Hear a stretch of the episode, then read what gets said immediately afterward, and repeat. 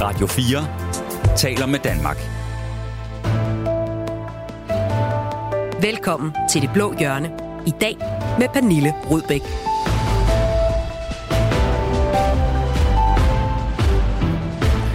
De sidste ordførerskaber er fordelt, og nu er det for alvor tid til at gå i gang med det politiske arbejde for det nye Folketing.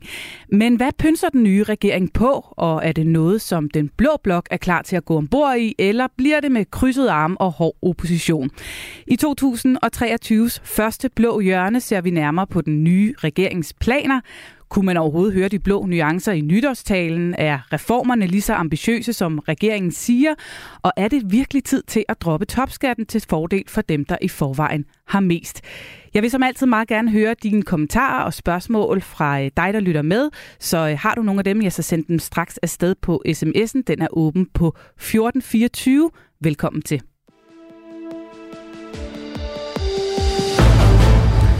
Og med mig her i studiet, tre blå politikere, der er vendt tilbage fra juleferie så småt. Peter Skårup fra Danmarksdemokraterne, velkommen til. Tak for det.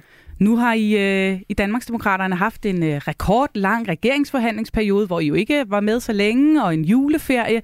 Så jeg tænker på, om det er nu, vi snart kommer til at se et fyldigt politisk program for Danmarksdemokraterne.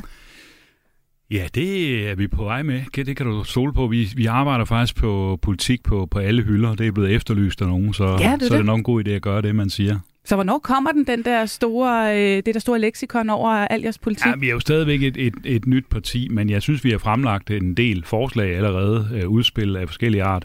Øh, og på et tidspunkt kommer vi også med et program, men jeg tror, vi bliver nødt til lige at have lidt tålmodighed stadigvæk. Et tidspunkt, kan du komme det lidt nærmere? Nej, nej, faktisk ikke i dag. Okay, Men, øh, vi må vente i spænding lidt nu. Hvad øh, skal vi glæde os mest til, det der kommer?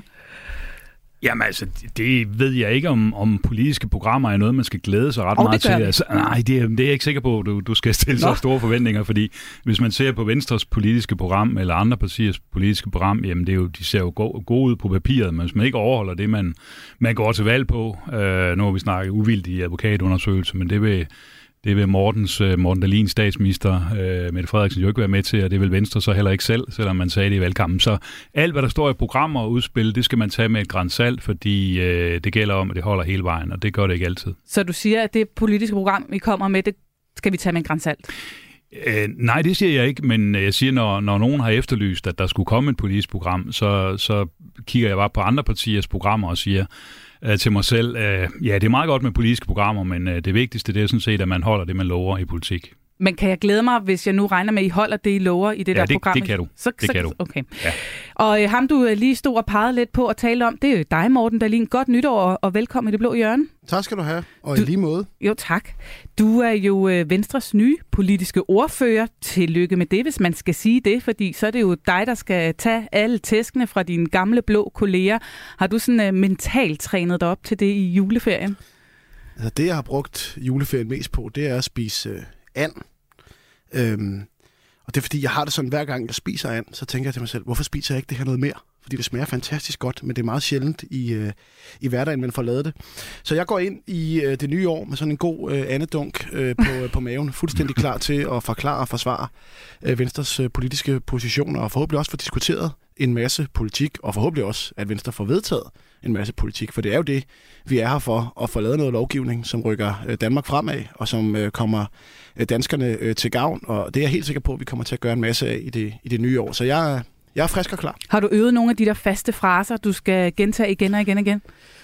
Nej, altså jeg har ikke været sådan i træningslejr. Nå. Altså det må, jeg, det må jeg indrømme. Som sagt har jeg brugt rigtig meget tid på at spise and, og efter, efter nytår er jeg så blevet sat til at, at lave en masse ting hjemme i huset, fordi min hustru og jeg, vi venter vores første barn her til marts, så der er en masse ting, der skal klares. Og der er også mange flere ting, end jeg troede, der skulle øh, klare Så, så jeg har brugt tiden på at arbejde, og jeg har ikke, desværre ikke været i træningslejre endnu.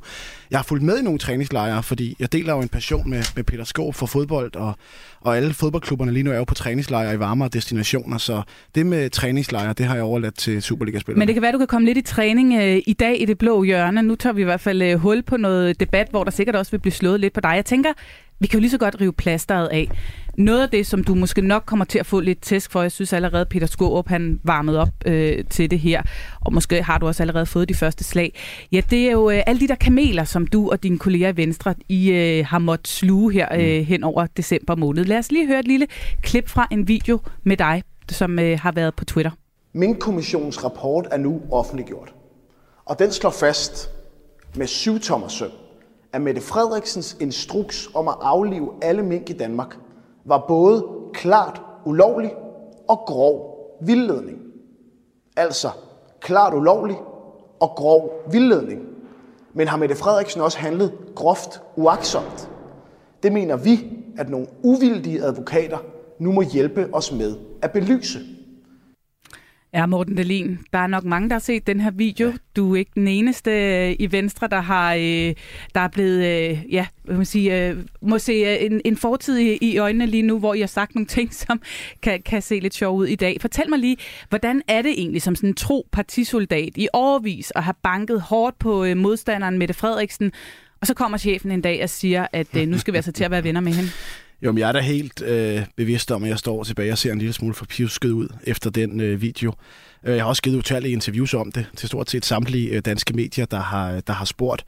Øh, og jeg er meget bevidst om, som sagt, at jeg står tilbage og ser en lille smule for pivsket ud. Men der var en klog mand, og selvom han var socialdemokrat, så var han klog, der sagde, at det er bedre at tabe ansigtet, end at tabe hele hovedet. Øh, og jeg er klar over, at når man kravler op i et træ, så ser man fjerpjusk ud, når man kommer nedad. Man slår sig også undervejs, hvis grenene de er store. Øh, og sådan er det, og det må man jo så betale en pris for. Til gengæld, så er vi så øh, med ved bordet, hvor man kan rykke Danmark i den rigtige retning. Og mit parti er over 150 år gammelt, og vi har, lige siden vi blev stiftet, forsøgt at omsætte vores mandater til et politisk indflydelse, til at trække Danmark i den rigtige retning, til at skabe mere frihed, flere muligheder og mere velstand for Danmark. Og jeg mener, vi har fået nogle meget, meget synlige aftryk i regeringsgrundlaget, som gør, at Danmark bliver et bedre sted at være, når den her regering er færdig med sit arbejde, end det var før. Og jeg gik ind i politik Øh, ikke kun for at lave videoer på sociale medier, men sådan set for at rykke Danmark i den rigtige retning. Og det er vi i stand til at gøre i Venstre, og vi har fået nogle meget synlige indrømmelser på forsvarspolitikken, på sundhedspolitikken, på skattepolitikken, mm. på reformpolitikken.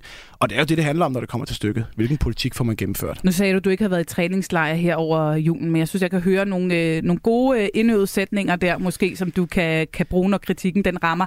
Men helt ærligt, Morten Dalin, bliver man ikke lidt træt af sin chef, når han kommer der og siger, nu skal du lige øh, ændre 100% øh, mening om det her, eller er det bare sådan, politik er? Nej, altså det gør man ikke. Øh, det, det, det gør jeg ikke. Øh, altså jeg mener, at det er rigtigt i den situation, vi står i lige nu, at tage et ansvar, i stedet for at sætte sig ud på sidelinjen med armene over kors, og forsøge at rykke Danmark i den rigtige retning. Forsøge, om vi kan få lavet nogle markante økonomiske reformer, som sikrer en ansvarlig økonomisk politik i Danmark.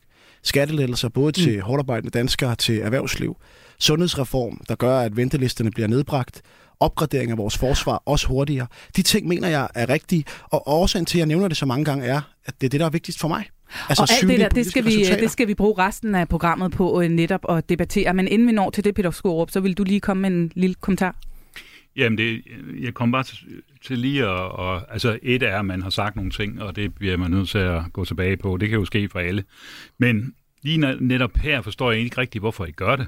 Fordi øh, der var jo sådan set flertal for den der uvildige advokatundersøgelse, og, og jeg tror, der er rigtig mange danskere, der sidder og tænker, jamen, giver man bare det flertal væk, fordi man, øh, man gerne vil i regering? Er det bare derfor? Fordi der var jo Alternativet, der var Moderaterne, der var Venstre, der var hele den borgerlige side, øh, ikke det borgerlige side, kan vi kalde os, ikke? Der, der fortsat under valgkampen og efter valgkampen sagde, øh, vi vil gerne have den advokatundersøgelse. Så løber Venstre fra det. Hvorfor? Morten Dahlin? Jamen, det er, jo, det er jo lidt en omskrivning af historien. Øhm, alternativet flipfloppede først en 6-7 gange på, hvad de mente, og så gik de ud og sagde, ja, men de mener det, men de vil ikke stille det som et ultimativt krav i regeringsforhandlinger med Mette Frederiksen. Og allerede der, så er flertallet jo væk. Og efterfølgende siger Moderaterne også, ved deres formand Lars Løkke Rasmussen, at han ikke mener, at man kan starte et regeringssamarbejde med at lave en sådan slags undersøgelse. Og det vil sige, så er undersøgelsen jo væk, og så er flertallet væk. Og det kan jeg godt forstå, man er træt af. Jeg kan godt forstå, det er frustrerende. Den følelse kan jeg også godt selv øh, sidde med. Men i den situation kan man vælge to ting. Man kan vælge at sætte sig ud på sidelinjen med armen over kors og sige, vi vil ikke være med til noget som helst. Eller man kan tage bestik af, hvor virkeligheden er, sætte sig ind til forhandlingsbordet og forsøge at trække Danmark i den rigtige mm. retning. Og der er vi en slags parti, og det har vi været mere end 150 år, der altid forsøger at omsætte vores mandater til konkret politik til gavn for Danmark og danskerne.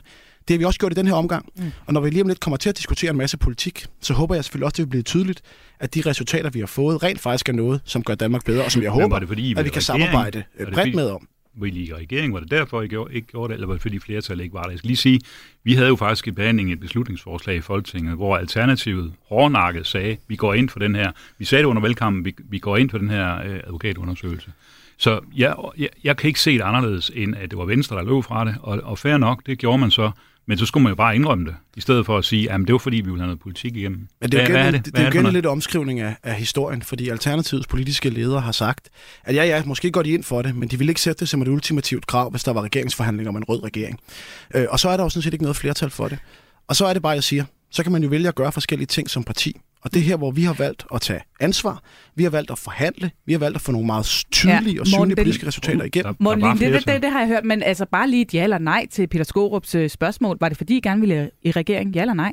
Jamen, det var, altså, når vi har valgt den beslutning, som vi har valgt, så er det fordi, der ikke er noget øh, flertal for den, og fordi vi så mener, det at gå ind i regeringen, det så giver en masse Så der er ikke et ja eller nej her? Jo, det er der. Men Hvad nogle gange så? er Så politik... bare lige hjælp mig. Var det et ja eller nej? tale ud. Fordi nogle gange er politik jo sådan set mere kompliceret end, end simple ja-nej-spørgsmål. Når der ikke er noget flertal for den, så skal vi jo analysere den politiske situation. Så skal vi sige, har vi lyst til at stille os ud på sidelinjen med armen over kors, ikke få indflydelse på noget som helst, lad de røde køre butikken i Danmark, uden der øvrigt kommer en undersøgelse, og så bare lade dem føre en masse venstreorienteret politik. Nej, det har vi ikke lyst til.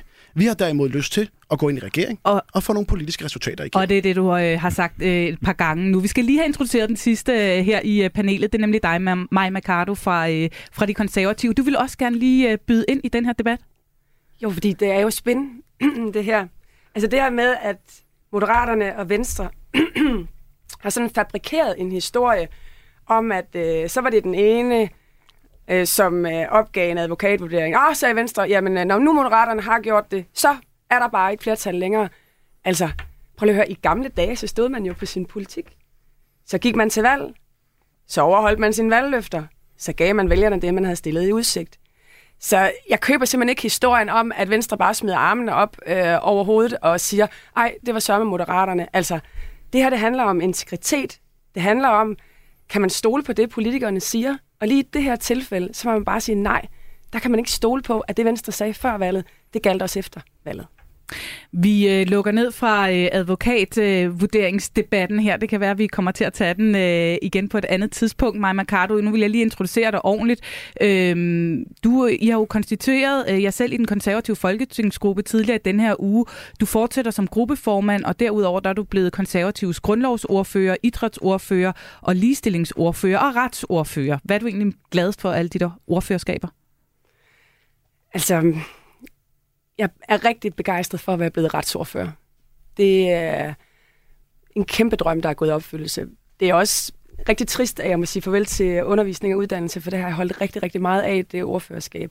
Så får jeg mulighed for at fortsætte med øh, idrætten, som jeg også er rigtig, rigtig glad for og optaget af.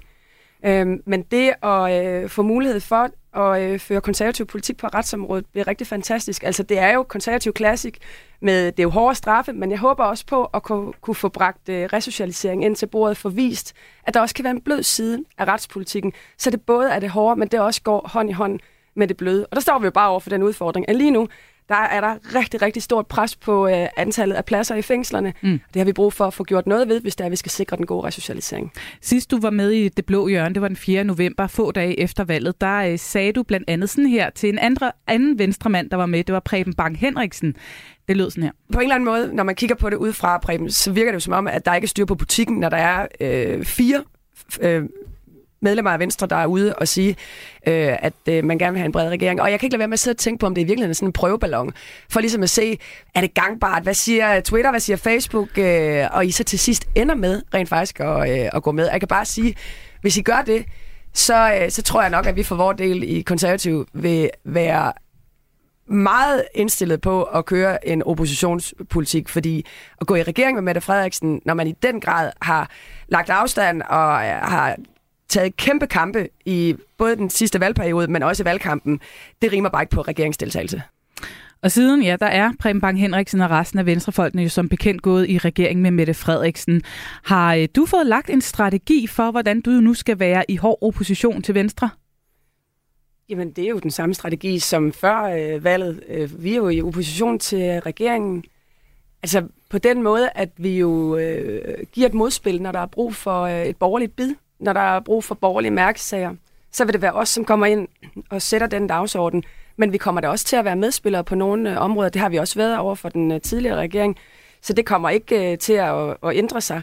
Så vi kommer til at være øh, jamen, de mottoer, som vi hele tiden har haft, det dem er vi ikke løbet fra. Det er jo borgerlige stemmer, der arbejder, og en sikker borgerlig stemme, det var vi før valget, det er vi også efter valget. Morten Dahlin. Tillykke med retsordførerskabet. Jeg er jo selv øh, tidligere formand for, for retsudvalget og har beskæftiget mig meget med retspolitik. Det synes jeg er meget spændende, og måske har vi muligheden for at lave et, et kompromis lige her efter nytår.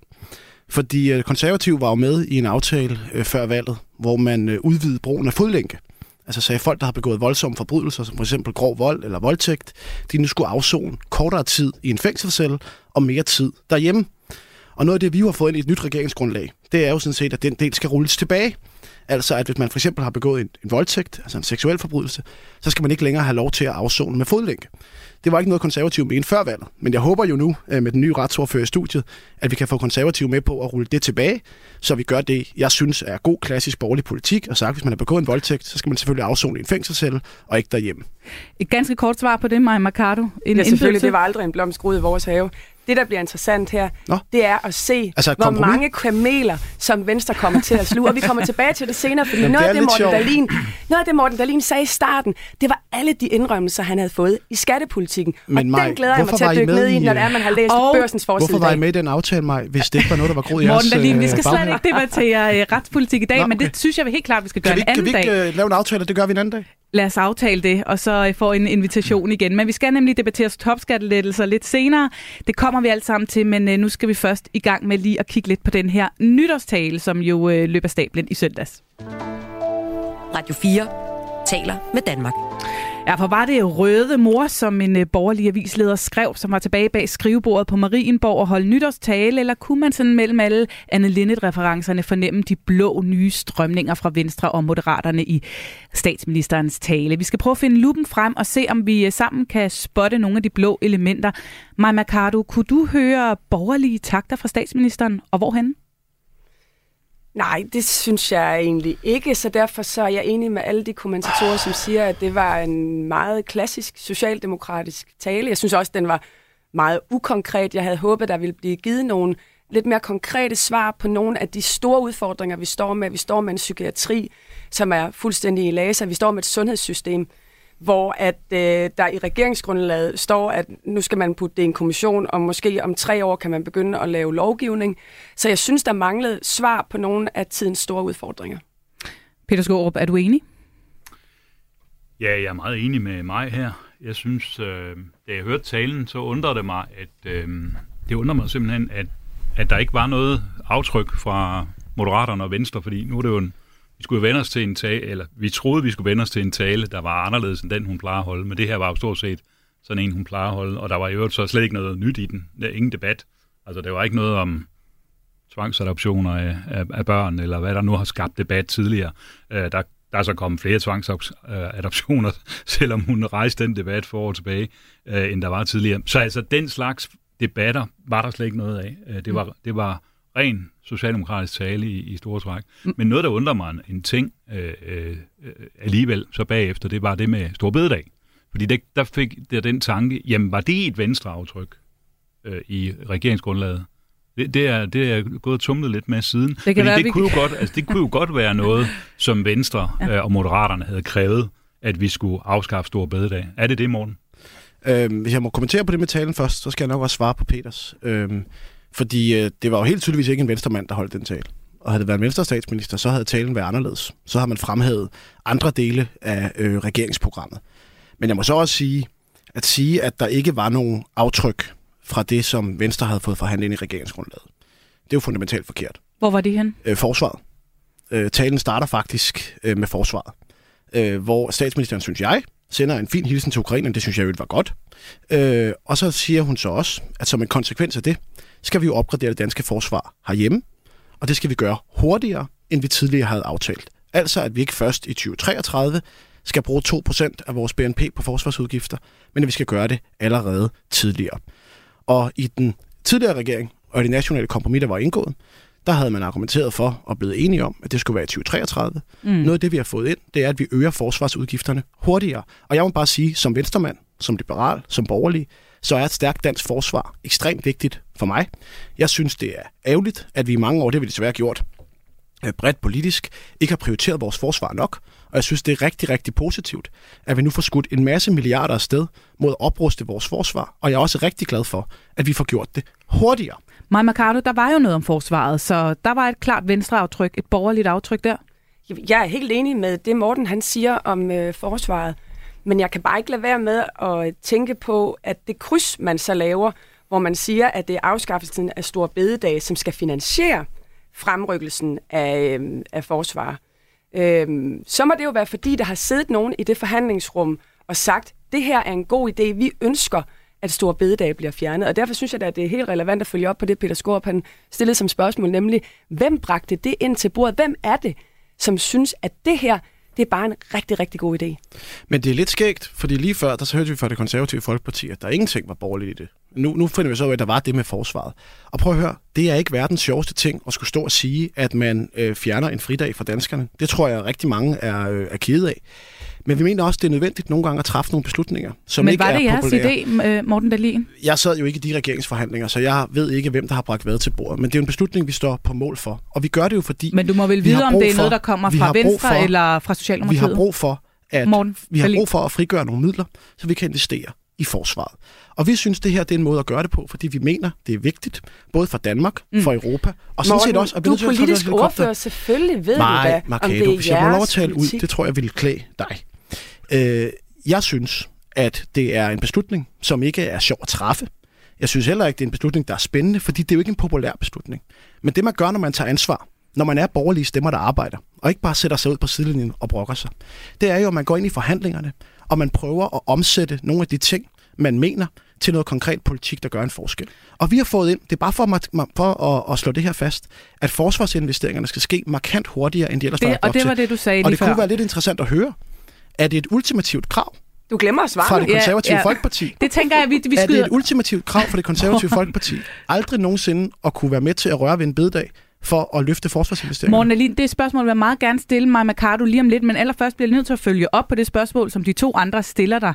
Nemlig, at du siger, du ved ikke, om øh, forslaget om at afskaffe Stor Bededag kom fra Venstre. Altså siger du, den politiske ordfører i et regeringsparti, Folketingsgruppen øh, til et regeringsparti, ikke ved, om det var jer, der kom med forslaget om Stor Bededag? Jeg har ikke været med har I i de ikke fået noget at vide om? Jeg har ikke været med i de I har regeringsforhandlinger. ikke fået noget at vide om det. Jeg har ikke været med i de regeringsforhandlinger, er men jeg står gerne på mål for beslutningen. Og det gør jeg gerne, fordi jeg mener, det er en måde, man kan skaffe nogle midler på til at bruge et andet sted. Og, Og sådan det har er- det jo et historisk været, også for Venstre, også nogle gange sammen med nogle af de andre partier ved siden af mig, at man er med til at træffe øh, beslutninger, der i nutiden ikke er specielt populære, men som er nødvendige for at skaffe noget finansiering til noget af det, man synes er vigtigt. Vi har gjort det, øh, da man lavede økonomisk genopretning øh, i 80'erne. Øh, man har gjort det, da man laver tilbagetrækningsreform i øh, nullerne. Man har gjort det, da man laver efterlønsreform. Jo ikke beslutninger, hvor folk stiller sig op på Christiansborg Slotsplads og jubler, men som beslutninger, som er nødvendige for at tilvejebringe noget finansiering for nogle af de ting, vi gerne vil. Og nu har jeg svaret på spørgsmålet. Så kunne det være meget interessant at høre, er det et ultimativt krav for det konservative folkeparti og Dansk Folk, øh, Danmarksdemokraterne, undskyld, at sige, at man overhovedet ikke var med på det her, så man ikke kan være med til at løfte forsvarsinvesteringerne? Det er jo et simpelt spørgsmål. Maja Mercado. Jeg har ikke svaret endnu, det må komme først. Men så kan du svare mig. Hvis Er du der nogen, der vil at svare på nogle spørgsmål herinde? Men det at lave et kryds, hvor man siger, at fremrykkelse af udgifterne til forsvarsforlig, det bliver betalt med stor bededag. Det er jo et kryds, som man bare har fundet på. Det kunne lige så godt være et hvilket som helst andet kryds, og derfor så køber jeg ikke det spørgsmål. Jeg køber ikke præmissen for spørgsmålet. Jeg lukker lige debatten ned Ja, om jamen, øh, jeg vil Stor lige- Bededag, men lige sidste hurtige kommentar, Jamen, Peter lige Skorup, fordi vi skal videre. Fordi nu fik vi ikke svar på det her, fordi du har ikke Det været tror til jeg ikke, vi for. Men jeg synes mig. ikke, I svarede mig er heller. Er det et ultimativt krav fra Men Danmarks nu er det mig, der beslutter, hvad vi skal diskutere. Men, men nu Peter Skårup, bare lige, sidste nu vil jeg bare lige tale ud, kommentar. Morten, fordi det, du, jeg synes, det var rimeligt nok lige få det. Altså, mig er inde på det her spørgsmål, der, der faktisk er interessant, fordi grunden til, det næsten overhovedet bliver nævnt i den der tale fra Mette Frederiksen til danskerne, det er, at der bliver argumenteret for, at vi er nødt til at stå sammen, og vi er nødt til at afskaffe stor bededag for at kunne finansiere forsvaret. Så vil jeg godt lige spørge dig, Morten. Er det et krav til partierne, der skal være med til at bruge penge, flere penge på forsvaret? Er det, er det et krav, altså et ultimativt krav, I stiller, at, at man skal være med til at afskaffe bededag for at være med i en aftale omkring forsvaret? Vil du svare på det? Altså, jeg vil meget gerne uh, svare på spørgsmålet. Det er jo det, regeringen lægger frem. Og det er jo det, vi lægger frem i vores forhandlingsgrundlag. Og så kommer vi jo, og det kommer jo til at ske inden alt for lang tid, til at indkalde partierne øh, det- og høre, det hvad jeres krav? forslag er. Øh, og det er jo det, vi lægger frem, og så må det være op til en forhandling. Øh, og vi glæder os jo meget gerne til at høre de andre partier. Vi håber jo konservative, Danmarksdemokraterne, øh, SF, øh, Radikale Venstre, de andre partier, i hvert fald bag det nationale kompromis, og for den sags skyld også gerne bredere, øh, spiller med ind i det her. Og det her, det er jo vores forslag til det. Så lytter vi selvfølgelig til de andre partier, og så håber vi, vi kan nå en, mm. en Nå, bred nu aftale er om det, her. for, det er jo ikke et forslag. Altså, I, er jo, I har Jo. jo flertallet. Ja, er derfor flertallet man et forslag frem. mandater. Vi indkalder til forhandlinger. Ja, I forhandling. Ja, men, Peter, men og så det, må I jo komme om, med det er, jeres om det er, det, er, det er sådan så, at for at være med til at bruge penge på forsvaret, så skal man sluge, at vi afskaffer store bededag. Er det et krav? Altså, vi har lavet den her, øh, det her forslag, hvor vi siger, at for at skaffe nogle midler til at finansiere forsvaret, så foreslår vi, at man fjerner en helligdag, fordi det giver nogle midler til at finansiere noget, vi mener er meget vigtigt, opbygning af forsvaret. Så det er Det er vores krav. forslag. Vi indkalder til forhandlinger, helligdag, hvor I har mulighed for at komme med input fra alle partierne, og så håber vi jo, man kan lave en, en bred aftale om et, øh, et forsvarsforlig. Og det kunne være interessant at høre jo fra partierne, om det er noget, man siger, det vil man slet ikke se sig selv i, eller om man er konstruktiv og dukker op til forhandlingerne. Jeg håber selvfølgelig på det det kan være en anden helligdag, venner. men det, vi skal afskaffe en helligdag. Vi, det, øh, jeg tror, at den her debat den øh, kunne fortsætte resten af timen, og sikkert også, øh, vi kommer til at tage den op mange gange her i det blå hjørne. Nu vil jeg meget gerne videre. Vi skal lige høre et lille klip fra nytårstalen, som øh, handler lidt om øh, måske det samme, men måske også noget andet. At være en del af det danske velfærdssamfund handler ikke først og fremmest om, hvad vi hver især kan få ud af det, men om, hvad vi hver især kan bidrage med. I perioder hjælper du mig, i andre, der støtter jeg dig. Alle kan ikke det samme, men alle skal gøre det, de kan. Vi har brug for hinanden. Ja, det var altså et øh, stort tema i talen, at vi hver især skal bidrage mere, Maja Mercado. Øh, det er jo også ofte et kritikpunkt til venstrefløjen, at de vil give mere til dem, der ikke øh, bidrager så meget. Så når du hører det her fra Mette Frederiksen, er det så sød musik i dine borgerlige ører? Ja, øh, jeg vil ikke sige, det er nyt, fordi Mette Frederiksen har igennem mange år stået på ret og pligt. Altså, øh, så hun har egentlig haft øh, den her tale igennem øh, mange år, helt fra dengang, at hun var beskæftigelsesminister. Så det er da noget, øh, vi deler. Det er jo ikke noget, man sådan rigtig mærkede noget til med den tidligere regering, hvilket jo godt kan øh, skyldes, at øh, der var øh, støttepartierne nogle Mm. mm. andre. Øh, nu er der en flertalsregering, så øh, jeg håber da sådan set, at det, at det kan betale sig at arbejde, at øh, det bliver ikke bare øh, sådan en, en, en sætning, som sådan står flot, men, øh, men at det er, det er noget, der bliver en realitet. Lad os lige høre et øh, klip mere med statsminister Mette Frederiksen fra talen. Men hånden på hjertet. Vi kan ikke overkomme både en krig i Europa, klimakrisen og udfordringerne herhjemme, hvis ikke vi hver og en er klar til at yde noget mere. Jeg kunne godt tænke mig at høre, hvem I synes, det er, som øh, skal bidrage noget mere, yde noget mere, som ikke yder nok i forvejen. Peter Skårup, har du et bud? Jeg synes næsten, man skulle spørge regeringen om det, fordi Du har jeg ikke ved ikke helt præcis, hvad det er, der tænkes på. Har du, Morten ja. Dahlin? Ja, det, det er jo meget symptomatisk. Altså, du stiller sådan et åbent politisk spørgsmål, hvor man har mulighed for at fremlægge sin egen politik. Men ja, det har jeg. Øh, Jeg mener for eksempel, at vi skal gøre meget mere for at få de mennesker, der er kommet til Danmark med ikke-vestlig baggrund, til at bidrage yderligere på De arbejdsmarkedet. bidrager ikke nok. Øh, Det skal vi simpelthen gøre. Øh, Både fordi jeg mener, det er moralsk. Altså hvis man kommer til et fremmed land og bosætter sig for husly, for beskyttelse, for sundhed, så har man også en forpligtelse til at forsørge sig selv og sin øh, familie. Vi har heldigvis, både da vi har siddet i regeringen og også mens vi har været i opposition, taget nogle tiltag, der er kommet derhen af, så arbejdsfrekvensen er steget, men den er stadigvæk ikke høj nok. Og jeg mener, der er et stort potentiale, både moralsk, men så sandelig også økonomisk, i at få øh, de mange ikke-vestlige indvandrere, der står uden for arbejdsmarkedet, ind på Så, så arbejdsmarkedet. ikke-vestlige indvandrere, de bidrager ikke nok? Nej. Maja Mercado?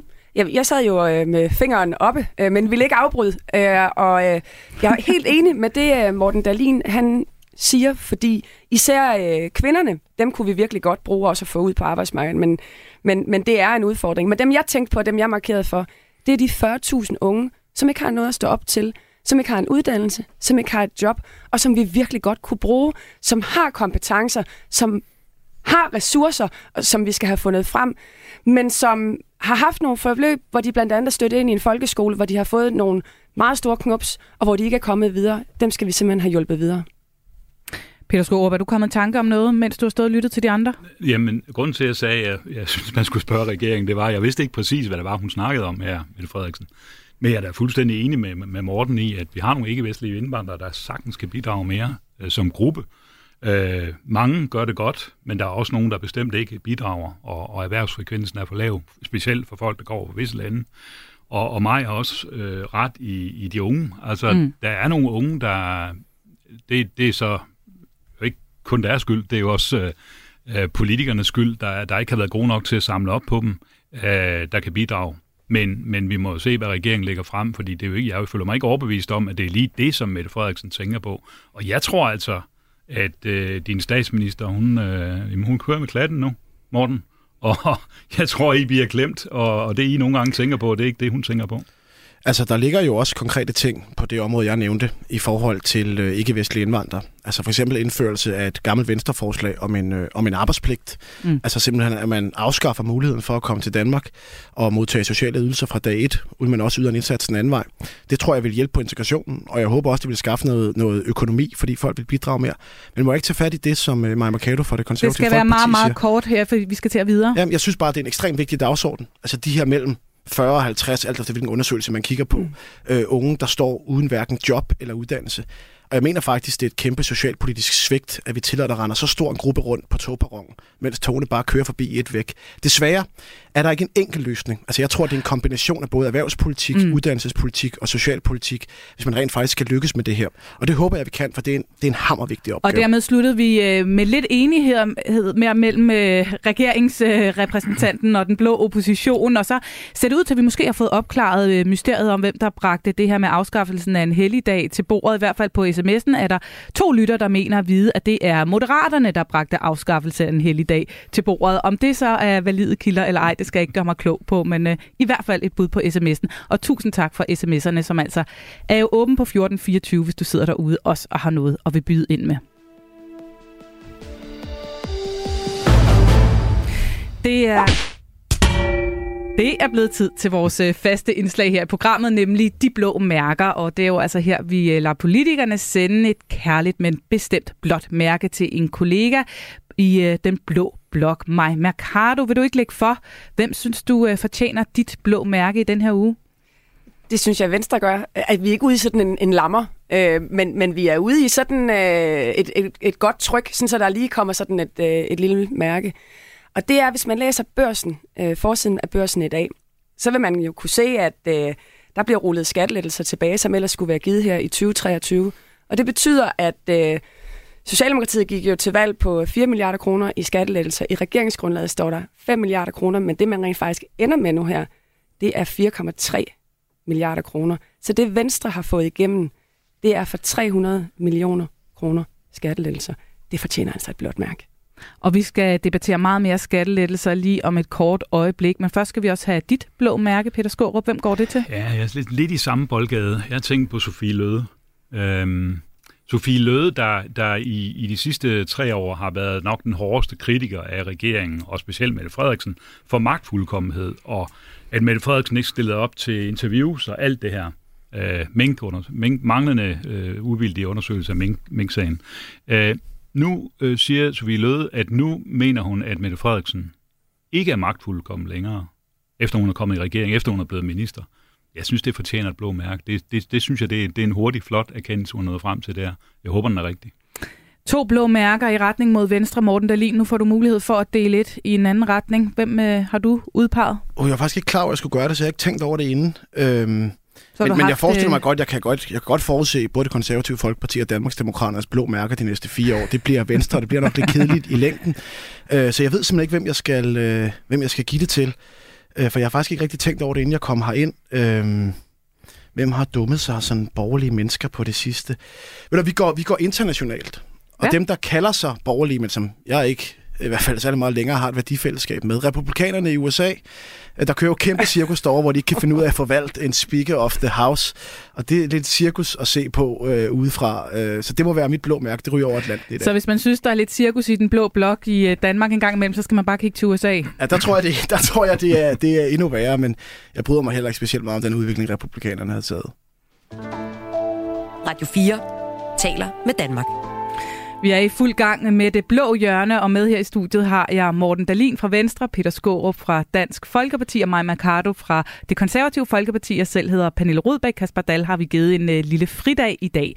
Nu skal det handle... Du lavede en lille fejl der. Hvad, hvad sagde jeg? Du sagde dansk folk. Nej, for søren. Gamle vaner. Ja, ja. Danmarksdemokraterne. Jeg kan ikke være den første, der har gjort det, Peter Skårup. Sikkert ikke, nej. det beklager jeg altså meget. I øh, mandags i det røde hjørne, der lød det sådan her fra SF's Karl Valentin. Jeg vil rigtig gerne i dag i studiet ikke have illustreret, øh, hvor meget jeg faktisk får i skattelettelse, som en, der tidligere har betalt topskat, har betalt topskat og nu holder op med det. Ikke? Derfor så vil jeg gerne hæve de 8.000 kroner, som sådan en som mig øh, får faktisk lidt mere end det, øh, får i skattelettelse årligt nu, øh, hvis regeringen øh, gennemfører det, som den har lagt frem ifølge beregninger fra Cepos. Så den vil jeg gerne hæve, så jeg kunne tage dem med. Øh, men jeg fandt ud af, at jeg, da jeg gik fra hæveautomat til hæveautomat, jeg slet ikke kunne få lov til at hæve så meget, og pludselig så blev jeg blokeret, øh, sådan at, fordi de troede, at nogen har taget mit kort eller et eller andet. Ikke? Altså, fanden, så derfor så har jeg altså Dårlig ikke start 8.000 for- kroner med i 100 kronesedler, vel? Ja, det synes jeg, Maja Villadsen fra Enhedslisten var ganske sjovt. Og det lykkedes øh, rent faktisk øh, Karl Valentin at få hævet de her 8.000 kroner. Dem lagde han så et billede ud af på sociale medier, og det vagte en smule opsigt. Han skrev til billedet, jeg har hævet min skattelettelse. Ligesom de andre MF'er slipper jeg nemlig snart for at betale topskat. Mere end 8.000 får jeg kastet i nakken hvert år. Hvorfor skal vi, der tjener godt i forvejen, have store skattelettelser, mens folk får skrottet en fridag? Morten Dahlin, jeg kunne se, at du var lidt uenig i den udlægning. Hvad var det, der fik dig til tasterne? Åh, oh, utrolig oh. mange ting. øhm, jeg tror først provokerer det mig, at øh, Karl Valentin fra SF bruger udtrykket at få kastet penge i nakken. Øh, for det synes jeg er et forkert udtryk. Altså det, der jo er vores politik nu, det er, at folk skal have lov at beholde lidt flere af deres egen penge. For det er jo faktisk penge, de selv har tjent ved at stå op om morgenen og gå på arbejde. Så får de nogle penge. Det er deres egen penge. Så har vi så en skatteprocent øh, i Danmark, som efter min øh, optik er lidt for høj. Øh, og nu sænker vi den så på nogle områder, så folk får lov at beholde lidt flere af deres egen penge. Det synes jeg er ekstremt positivt. Og jeg synes, det er et forkert udtryk, kastet penge i nakken. Altså som om det var Karl Valentins penge, og ikke dem, der har tjent det. Og endnu værre bliver det jo så, at han faktisk uddyber. Fordi Karl Valentin får faktisk på et tidspunkt sagt, at de penge, man tjener, før man betaler skat, er ikke ens egne penge. Nu prøver jeg at citere ham så lojalt som overhovedet muligt, men verden må rette mig, hvis jeg tager fejl. Han får sagt, at det ikke er ens egne penge. Og nu er jeg jo ikke øh, ekspert i marxisme, men, men, men altså, at man skulle have en, der kommer fra et parti, der har sit udspring i marxismen, der siger, at arbejderen ikke ejer produktet af arbejderens eget arbejde. Det er for min, øh, i min optik helt sort. Øh, Og min optik er jo naturligvis, at det er ens egne penge. Og jeg har meget svært ved at se, at de her såkaldte arbejderpartier, de gør alt, hvad de kan for at underminere arbejdets mm. værdi, og hvorfor de bliver så sure, hver gang vi laver en skattelettelse, som giver folk mulighed for at beholde lidt flere af deres egne penge. Og den debat, den skal du selvfølgelig tage med Karl Valentin på et tidspunkt. Der er ikke så mange øh, arbejderpartier repræsenteret her i dag. Øh, øh, så skal jeg i hvert fald høre, om Danmarksdemokraterne er blevet øh, et arbejderparti over, øh, over julen. Det må vi tage på et andet tidspunkt. Men, men Morten Dahlin, altså, øh, hvis vi lige vender tilbage til det her med topskattegrænsen, som jo også det, der udløste det her opslag. Forklar mig lige, hvad er logikken i, at I vil hæve topskattegrænsen, øh, topskattegrænsen som jo altså koster øh, en slat penge øh, fra statskassens side, og så samtidig bede os alle sammen om at afskaffe en helligdag for at skaffe penge? Pointen med at lave skattelettelserne, det er øh, flere ting. Altså for det første synes vi, det er retfærdigt. Altså vi har jo den politik, at vi synes, danskerne skal beholde, lov at beholde lidt flere af deres egne øh, penge. Og særligt i en tid, hvor der er mange, der har svært ved at betale øh, regningerne. Øh, de fleste af os, der har gasfyr, oplever, at gassen er steget. Alle oplever, at elen er steget. Folk oplever, at dagligvarerne er steget. Og derfor synes vi, det er en god idé, at hårdt arbejdende danskere får lov at beholde lidt flere af deres egen penge selv. Og så er der den anden del af det, som jo også handler om, der er også noget samfundsøkonomi i det her.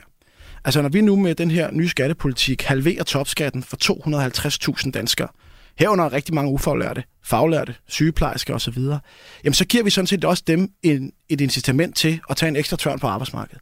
Og lige nu har vi jo rent faktisk brug for, at der er folk, der stiller op og tager en ekstra vagt, og tager en ekstra time. Den selvstændige, der tjener godt, han tager en ekstra kunde. Mm. Så der er både noget moralsk i det, og så er der også noget samfundsøkonomisk i det, hvor vi synes, det er en god idé, at vi nu halverer topskatten for 250.000 Der er en øh, danskere. hårdt arbejdende dansker på sms'en, som ikke helt forstår øh, logikken her. Han hedder Daniel, han skriver, Hej, hvornår får jeg som privat ansat anlægsgartner mere til mig selv, og hvorfor skal jeg miste en fridag, imens jeg politikere får og får? Ej, hvor bliver man træt. Ja, øh, jeg tænker, at vi også kommer til at arbejde på Store Bidedag, så det er ikke fordi, at vi, øh, vi får øh, noget som helst i den sammenhæng. Men I får dog lidt mere ud af de her øh, topskattelettelser, end den sådan, gængse almindelige dansker Det er gør. rigtigt. Altså, øh, øh, politikerlønningen ligger også i kategorien, hvor man, øh, hvor man betaler topskat. Det er der jo også nogle faglærte, som eksempelvis anlægsgardnere, der gør faktisk en hel øh, del. Og der er jo sådan set skattelettelser på hele paletten, for der er jo sådan set også skattelettelser til dem, der ligger i bunden mm. af indkomstskalaen, og dem, der ligger i midten af indkomstskalaen. Så der kommer til at være øh, konkrete skattelettelser til de hårdt arbejdende danskere, også hvis de tjener under topskattegrænsen, og sådan set også, hvis de ligger i bunden af indkomstskalaen. Og der kan vi jo kigge på de regnestykker, som Jyllandsposten har lavet. De har øh, kigget på de forskellige øh, indkomstgrupper, og her, de skriver, at en arbejdsfamilie får 4.500 mere i lommen, mens en direktørfamilie får 13.600 kroner mere i lommen af regeringens nye skatteplan. Peter Skårup, er det en god idé med skattelettelser til de rige, når øh, vi andre skal spænde livremmen ind? Altså, den, øh, den udgave af skattelettelser, som regeringen er kommet med her, øh, synes vi ikke er den helt rigtige model. Men selve det, at, at det kan betale sig, at skal betale sig arbejde, mig var lidt inde på det tidligere, selve det, at man, når man går hen på øh, og, og passer sit arbejde, så får man lidt mere ud af det, end hvis man ikke gik hen og passede et arbejde. Det er utrolig vigtigt. Det er en utrolig vigtig guldråd at have. Øh, ikke fordi penge er alt, men, men det er noget, øh, og, og det er noget bestemt for nogle familier. Øh, så, men, men jeg synes, man gør skattesystemet mere kompliceret med det, som regeringen har lagt frem her. Altså man, nu får man en ny mellemskat. Det, det er jo ikke så lang tid siden, man netop afskaffede en mellemskat for at gøre det lidt mere enkelt, og der er de fleste danskere kan i forvejen heller ikke finde ud af næsten, hvordan deres skat er i dag. Nu bliver det bare endnu sværere mm. med den model, der ligger. Men, men selve det, at man for eksempel forhøjer beskæftigelsesfradraget, altså man gør det, man sænker skatten i bunden for dem, der er i beskæftigelse, er fornuftigt nok. Øh, men, men det andet er, er, er ikke groet i vores have, og det kan Det er ikke groet i jeres have, men det er jeg lidt interesseret i, fordi at, øh, jeg har kunne læse mig til, at der også er kommet lidt forskellige udmeldinger fra netop Danmarks Demokraterne omkring det her øh, topskattegrænsen. Øh, altså, øh, da I stiftede Danmarks Demokraterne, der var Inger Støjberg ude at sige, at hun godt kunne se sig selv være med til at sænke topskatten. I oktober, der sagde hun så, at hun ikke ville støtte en borgerlig regering, hvis den ville afskaffe topskatten, men hun ville ikke udelukke, at hun kunne støtte et forslag om at hæve topskattegrænsen skattegrænsen. Det skulle bare ikke komme fra jer. Så jeg er bare lidt i tvivl her, Peter Skårup. Synes I, det er en god idé med en topskattenedsættelse? Altså, vi synes, der der kan være noget ræson i at gøre noget. Det er det, som Morten faktisk også er lidt inde på her. Det er at, øh, at se på grænsen. Altså se på, hvornår øh, beskatter vi i virkeligheden med topskat sygeplejersken eller øh, metalarbejderen, der, der, altså, hvor vi jo egentlig aldrig havde tænkt, at det var dem, der skulle betale topskat. Det topskatten i sin tid blev, blev tænkt som, det var jo en skat på dem, der virkelig tjener rigtig, rigtig mange penge. Ja. ja men det er sygeplejersken jo ikke en, der gør, men kommer altså alligevel til at betale Men man skal jo, man skal jo betale, eller man tjener jo mange penge, hvis man ender med at betale topskat. Det er jo en beløbsgrænse, som der, der er sat. Så Altså, Peter Skorup, er det fair, at øh, man laver nogle øh, skatteregler, øh, som nu kommer dem, der tjener mest, mest til gode, frem for øh, arbejderfamilierne? Jeg synes, vi er nødt til at se på, hvad det er, regeringen har tænkt sig at gøre. Men det har de vel øh, mere eller mindre det, sagt? Jamen, det har de, men, men, men jeg hører jo også, at de, de ikke, øh, på det her punkt i hvert fald, bare har tænkt sig at gennemføre det, som det ligger nødvendigvis. De er villige til at lytte til, hvad andre partier siger. Det håber jeg, for jeg vil ikke være med til at gøre øh, skattesystemet mere kompliceret, end det er i forvejen. Nej, du vil ikke gøre det mere kompliceret, men overordnet mener Danmarksdemokraterne, det er okay at, øh, at sænke topskattegrænsen? Nej, jeg synes ikke, den, den model, regeringen er kommet med, er den, er den rigtige. Men det er, men, fordi den er kompliceret? Det er fordi, den er kompliceret. Og, ikke så meget, fordi så, man letter topskattegrænsen? Nej, men det, fordi altså, det vi helst vil, det var jo at sænke skatten i bunden. Det ved jeg, og men nu snakker vi om den anden del af det. Og så siger jeg, vi vil ikke udelukke, at vi kan gå ind i en snak med regeringen omkring det her. Vi er jo ikke sat i verden for at stå og råbe ud på sidelinjen og skælde ud på de andre. Men, men, der, men det, vi køber bare ikke det, der ligger på bordet lige nu. Øhm, men som sagt, det skal kunne betale sig arbejde, og derfor er det jo vigtigt, at, øh, at man kan se det som borger, at det virkelig kan betale sig arbejde. Så der, vi afviser ikke noget på forhånd, vil jeg sige. I afviser ikke noget på forhånd. Maja Mercado, hvad mener du? Er det rimeligt, at i krisetider, hvor det, det er sådan, de mindst velstillede, som har sværest ved at betale regningerne her nu, så er det dem, der får mindst ud af den øh, skattereform, der er på bordet? Jamen, det vil gøre en forskel, hvis det er, at man hæver øh, topskattegrænsen, fordi øh, det vil betyde, at øh, flere vil lægge flere timer, eksempelvis chauffører, sygeplejersker, øh, politibetjente, så øh, det vil betyde et større arbejdsudbud, og det er der faktisk øh, god brug for. Hvis jeg lige må vende tilbage til Daniel, øh, vores anlægsgartner, som var på sms'en, så kan jeg godt forstå, hvis han er lidt træt af det hele, fordi han havde jo faktisk, øh, og alle andre, øh, havde jo faktisk udsigt til en øh, skattelettelse i bunden, som skulle være kommet her i øh, foråret.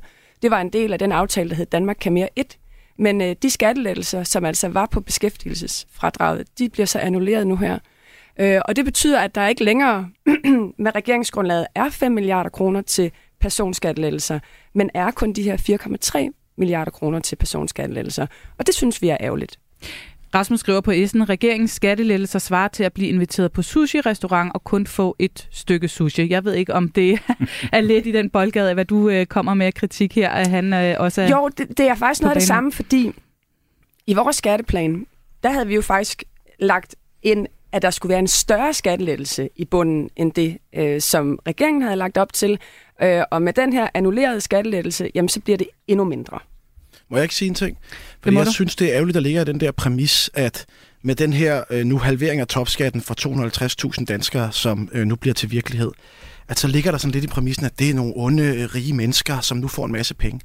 Altså jeg mener, jeg så nogle tal, der viser, at omkring en tredjedel af alle dem, der betaler topskat i dag, de er enten faglærte eller ufaglærte. Jeg mener, det er 4.500 øh, sygeplejersker, der sådan set betaler topskat. Og jeg synes, det er helt fair, at nogle af dem, der ligger allerflest timer på vores arbejdsmarked, de sådan set også får en skattelettelse, så de får lov at beholde lidt flere penge til sig selv. Og jeg vil bare sige, det er jo stadigvæk dem, der betaler mest ind til vores skattesystem både altså i form af kroner og øre og i form af procent. Og så ligger der jo altså også i den skatteplan, der nu øh, skal vedtages, øh, forhåbentlig på et tidspunkt med bred opbakning, altså også skattelettelser til dem, der ligger i den anden ende af lønskalaen, altså til den almindelige familie. Og derfor er der jo både skattelettelser her i top og i bund, og det synes jeg faktisk er ganske fornuftigt, at nu danskere, der stopper om morgenen og går på arbejde, uanset om de har en lille indkomst, en middelindkomst, eller også øh, over den nuværende topskattegrænse, jamen så får de faktisk en skattelettelse. Det synes jeg er positivt. Der er kommet en sms fra en anden lytter, Martin Keller Petersen, han skriver, nu hvor der snakkes topskat, og vores brød indikerer, at mange faglærte betaler topskat, kan politikerne så ikke uddybe, hvad mange er for en størrelse? Det var det, du lige øh, Præcis. gjorde nu, men jeg er i tvivl om præcis, hvor, hvor Jamen, håndfaste det, det, det, de er tal er, du jeg nævner ikke, der. Jeg, jeg, jeg vil helst ikke hænges 100% op på det, men jeg mener, det er omkring en tredjedel af dem, der betaler topskat, der er enten ufaglærte eller, eller, eller faglærte. Martin han skriver, ærligt talt lyder det altså som om, at der tales øh, om en overvægt af faglærte, men det er jo simpelthen ikke korrekt. Og hvis man øh, kigger lidt 30 procent er jo heller ikke en overvægt. Det, øh, det er ikke en overvægt. Han synes, det lyder som en overvægt, når I okay. taler om dem igen og igen og i dag. Igen. Maja Mercado, du vil sige noget? Men, Eller? men, og, og grunden til det er jo, at man afskaffer jo ikke topskatten. Man hæver den jo. Og det betyder, at dem, som rammer ind i topskatten først, det er jo dem, som bliver trukket ud af den, og det er øh, ikke høje indkomster i dag. Det er jo lige præcis, og det er jeg faktisk meget enig med Morten i, det er øh, for manges vedkommende faglærte øh, folk, i, øh, der arbejder øh, i stillinger, også i det offentlige, sygeplejersker eksempelvis, chauffører. Øh, men det, jeg godt kunne tænke mig at stille Morten et spørgsmål om, det er, fordi nu nævnte du i indledningen, at du synes, I har fået rigtig meget godt igennem i regeringsgrundlaget. Altså 300 millioner kroner i personskattelettelser i forhold til det, Socialdemokratiet lovede. Er det meget? For jeg synes, det er meget lidt.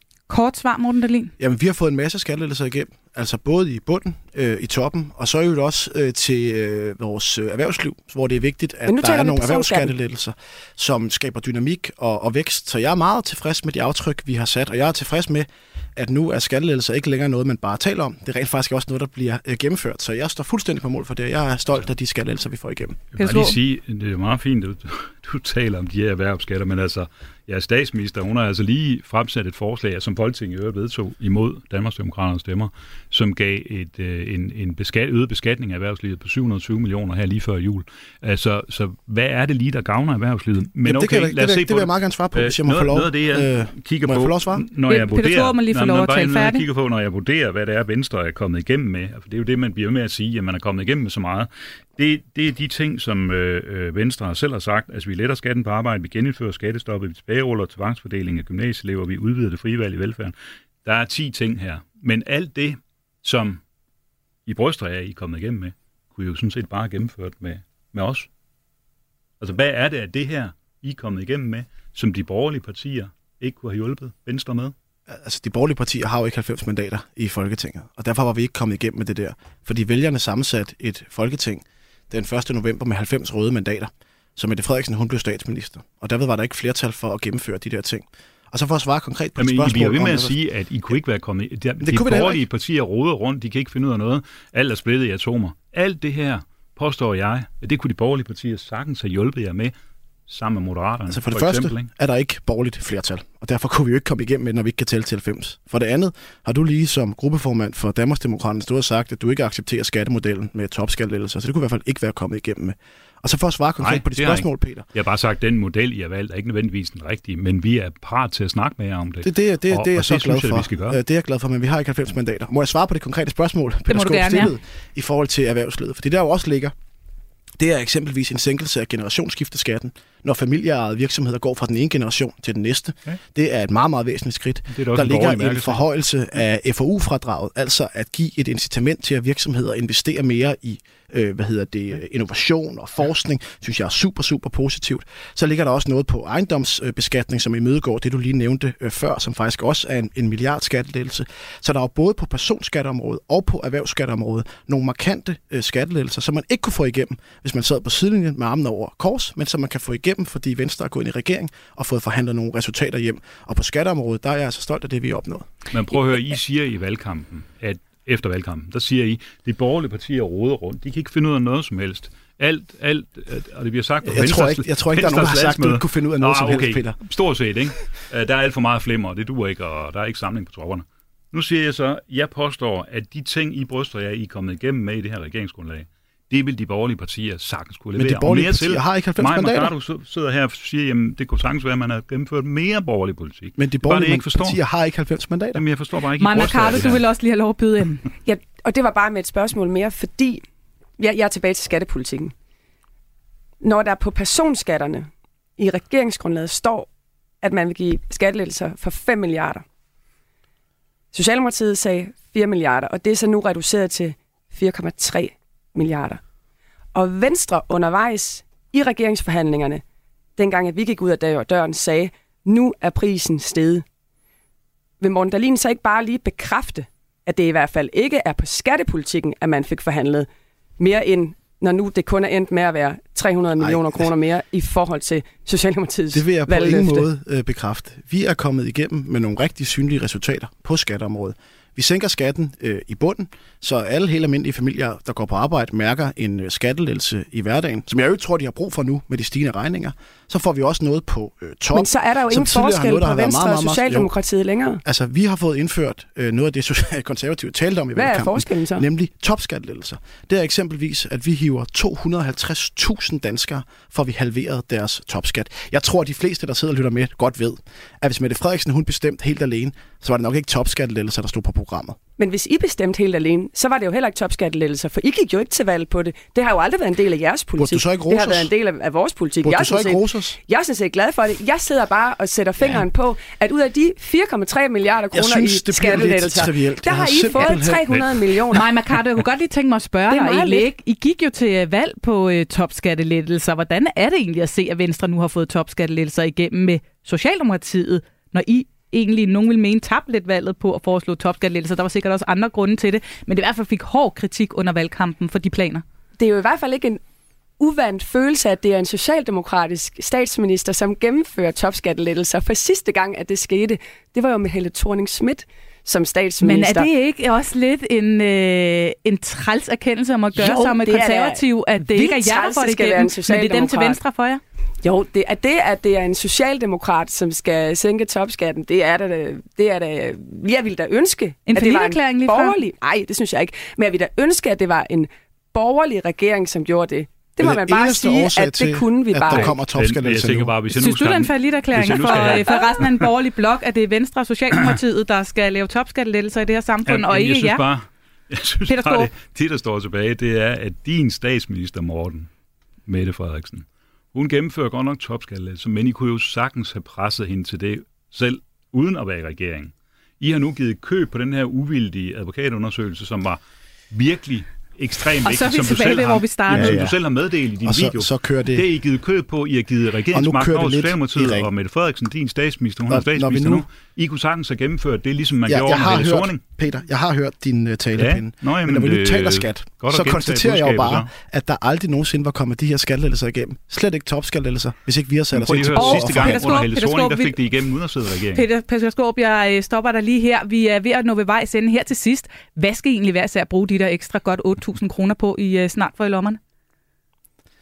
Øhm, Jeg har købt et hus, som der skal laves en masse ting på, så jeg tror, at det kommer til at bruges primært på min familie, også fordi, som jeg startede med at sige, at jeg snart får en familieforøgelse. Jeg kan ligesom fornemme, at det, det følger også en del udgifter Ej, med. stort tillykke, Tak. Morten.